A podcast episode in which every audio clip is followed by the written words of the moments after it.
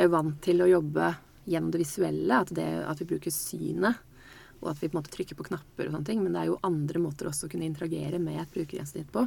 Eh, og det er også andre måter vi kan få informasjon fra et grensesnitt på, f.eks. via lukt. Der er det veldig mange nye utfordringer som dukker opp som ikke er helt trivielle å løse, også både tekniske. En ting er hva som er intuitivt og hva som er lett å gjøre, men det er også hva du faktisk får til rent teknisk og utviklingsmessig. Det sa Siri Fagernes. Hun er høyskolelektor eh, og programansvarlig for eh, en master i Computer Human Interaction, og ansvarlig for en bachelor i interaktivt design ved Institutt for teknologi på Høgskolen Kristiania. Og mitt navn er Arne Krumsvik.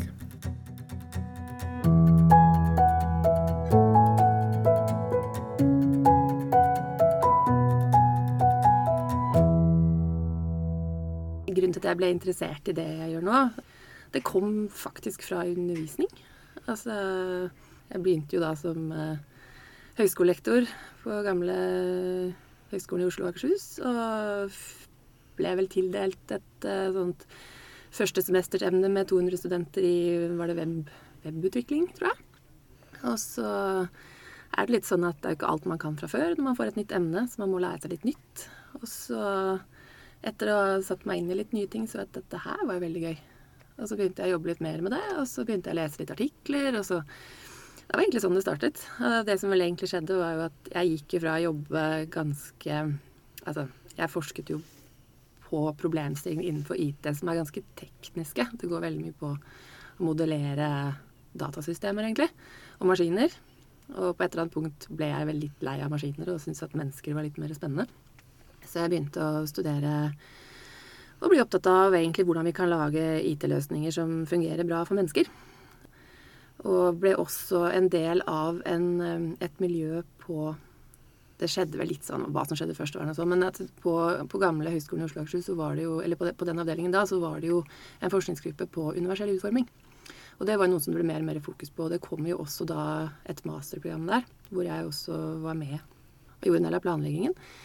Så dette med universell utforming har jo vært noe som eh, også har vært noe jeg har vært opptatt av, selv om ikke det er alt, da.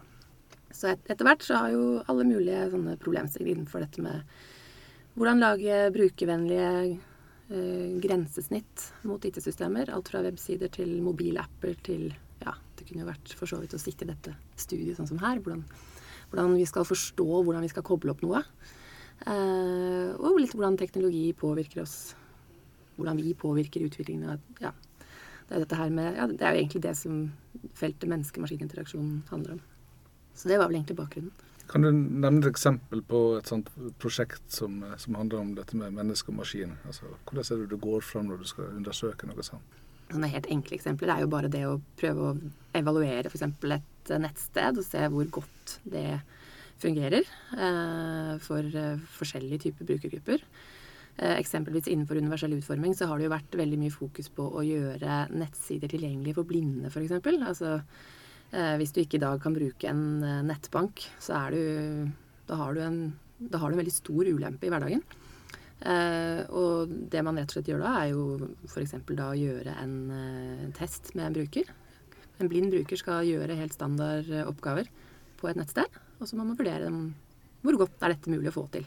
Og det er veldig mange forskjellige metoder man kan bruke, da. Men det er jo veldig mye mer fokus på altså, dette med brukertesting, brukerinvolvering, i den type forskningsprosjekter, sammenlignet med mye annen forskning innenfor IT hvor man egentlig bare studerer systemene og kan gjøre mer Altså gjøre tester og evalueringer helt uten mennesker. Så Men ja. Det er jo ett eksempel. Hvordan Eh, observerer dere, eller, eller, eller måler om det virker? Det, igjen så kommer det helt an på hva man ønsker å finne ut. Eh, noen ganger så vil man se på f.eks. hvor effektivt kan en bruker utføre visse oppgaver. Så kan man gjøre alt fra måle hvor lang tid eh, brukeren eh, trenger. Eh, man kan også se på hvordan oppleves eh, dette for brukeren. Så man rett og slett intervjuer en bruker f.eks. etterpå og snakker om hvordan, hvordan var dette. Hvordan likte du dette? Hva var bra? Hva var mindre bra? Man kan også gjøre rene observasjoner, så man prøver å bare, bare se hvordan brukeren interagerer med, med den løsningen man uh, ser på. det, men igjen så fin, det fins veldig mange typer forskjellige måter å gjøre det på, litt avhengig av hva man ønsker å finne ut av. og Ofte så bruker man flere av disse metodene sammen. Hva er det du ser når du ser på mennesker som du ikke ser når du bare ser på systemet? Nei, altså Én ting er jo det at øh, Og det er litt fordi jeg selv har jo på en måte også jobbet som programmerer, så jeg kommer fra den tekniske siden. Veldig mange som gjør den type forskning, har jo ikke nødvendigvis øh, den bakgrunnen. Men jeg er jo vant til at man kanskje man designer og implementerer en teknisk løsning som man tenker skal fungere på denne måten. Og noe av det som er utfordringen, er jo at man da tenker seg at brukeren oppfører seg omtrent akkurat sånn og gjør ting i akkurat den og den rekkefølgen. Det som jeg husker Min første opplevelse med den type sånn brukerobservasjon Da var jeg ganske ung og var relativt nyutdannet etter uh, master. Uh, da var det det at de brukerne gjør noe helt annet enn hva du tror.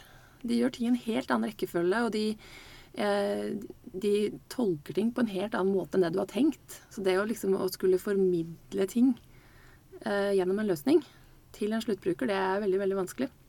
Og, da, og det man lærer da, er jo å se liksom at det er jo veldig mange forskjellige måter kanskje å tolke ting på. At det kan være veldig mange sånn, si, tvetydigheter da, i, i et brukergrensesnitt som kan være problematisk.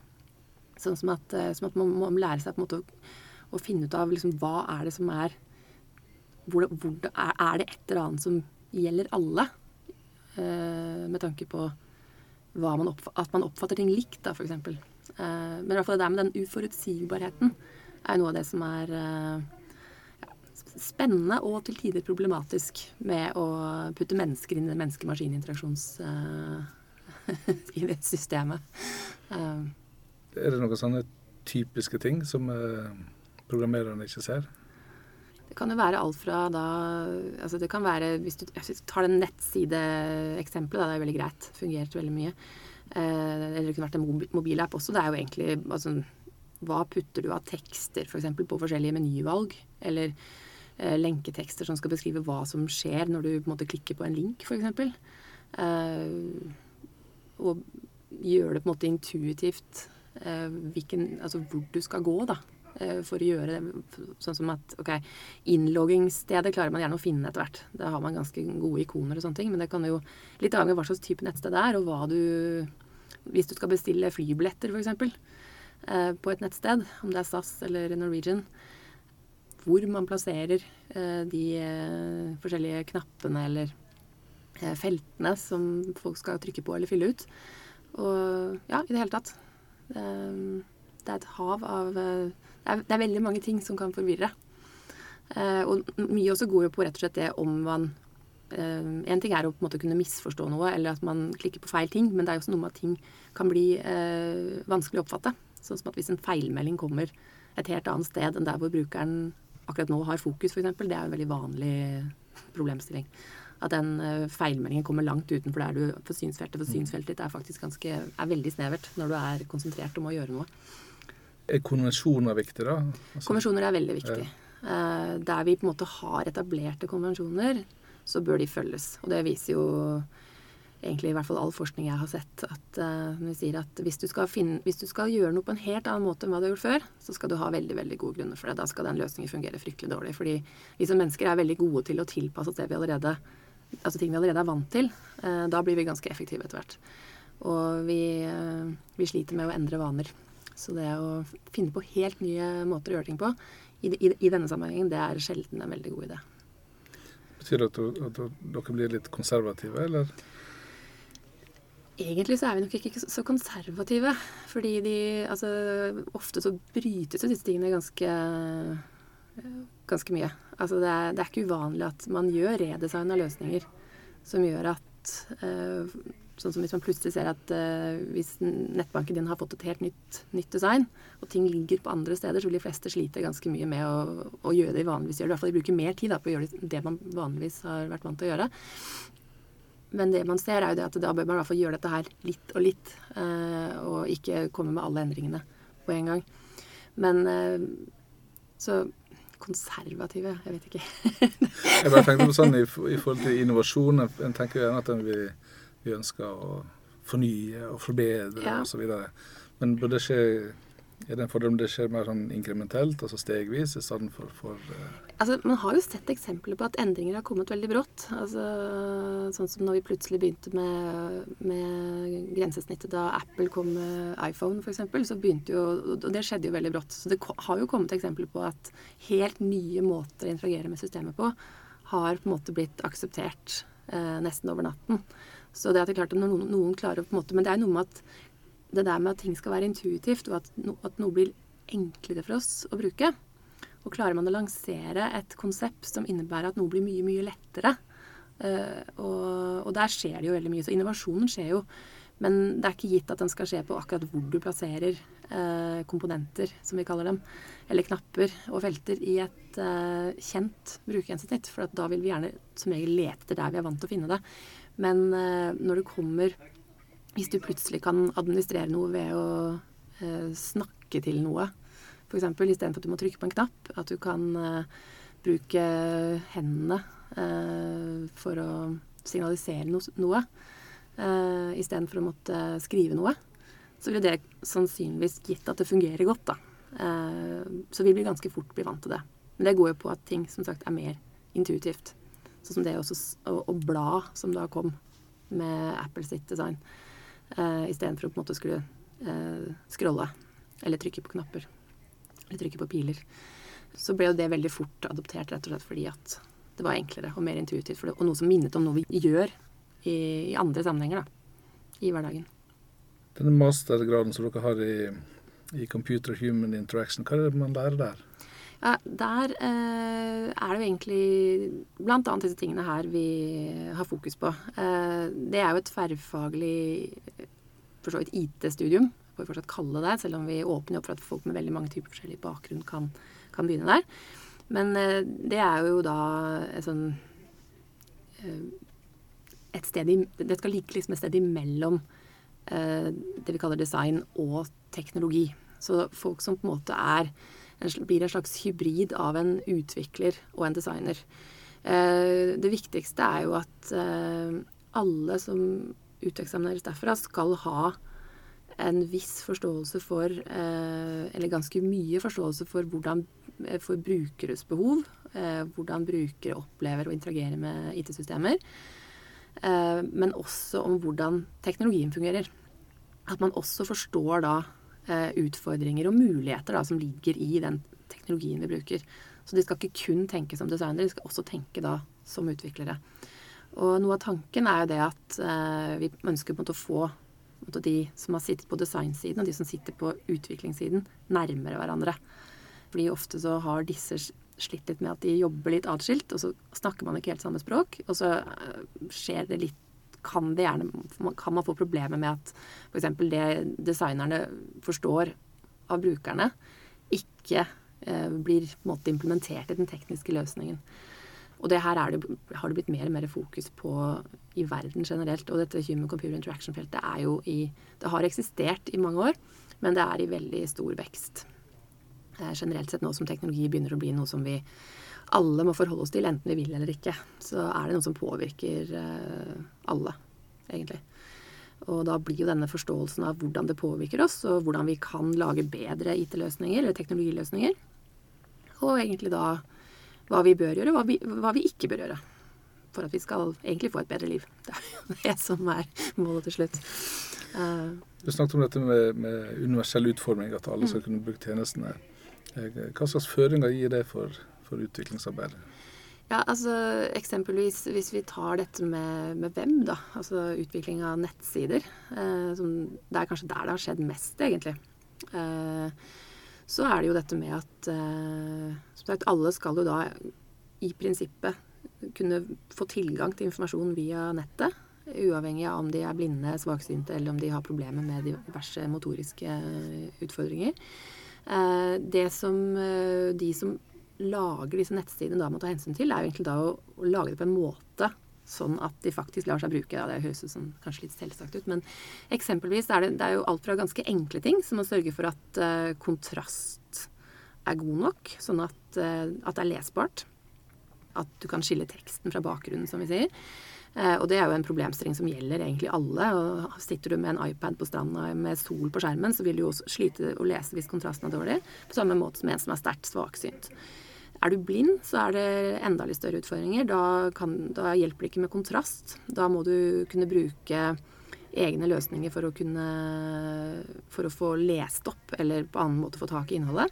Da må rett og slett innholdet være kodet riktig, som vi sier. Hvis ikke så vil, vil det enten være umulig eller veldig veldig tungvint for en blind å navigere. Du skal f.eks. kunne se da kunne hoppe mellom overskrifter, f.eks., og så vurdere om du ønsker å gå inn på en artikkel. Og eventuelt få, få lest opp da hva slags type felter du står i hvis du skal fylle ut noe, f.eks. Eh, og det betyr at eh, designerne må være oppmerksomme på dette med det visuelle. Og utviklerne må faktisk også kode det rett. Så det er, og der, der skjer mye. Det har skjedd veldig mye, for vi har også fått lovgivning nå som sier at eh, offentlige nettsteder spesielt, uh, eller alle som retter seg mot offentligheten, risikerer jo egentlig bøter hvis ikke de uh, gjør dette skikkelig. Og dette her skal også gjelde alle mulige andre.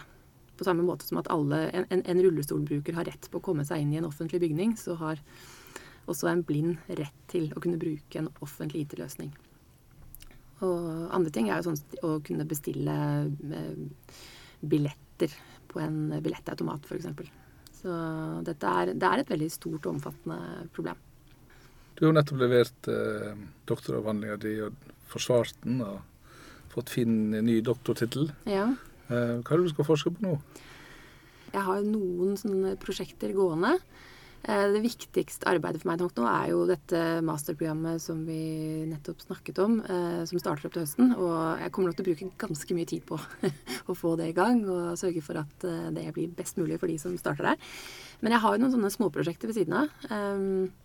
Jeg er i et har holdt på med et prosjekt sammen med en kollega, Geir Berget, som er førsteamanuensis på Oslo OsloMet. Eh, vi har studert eh, folk med dysleksi og hva slags type eh, leseformat Nei, det er kanskje ikke riktig ord å bruke. Vi har studert faktisk trykte tekster og, hvor, og hvordan dette med formatering av sidene påvirker lesbarhet for folk med dysleksi.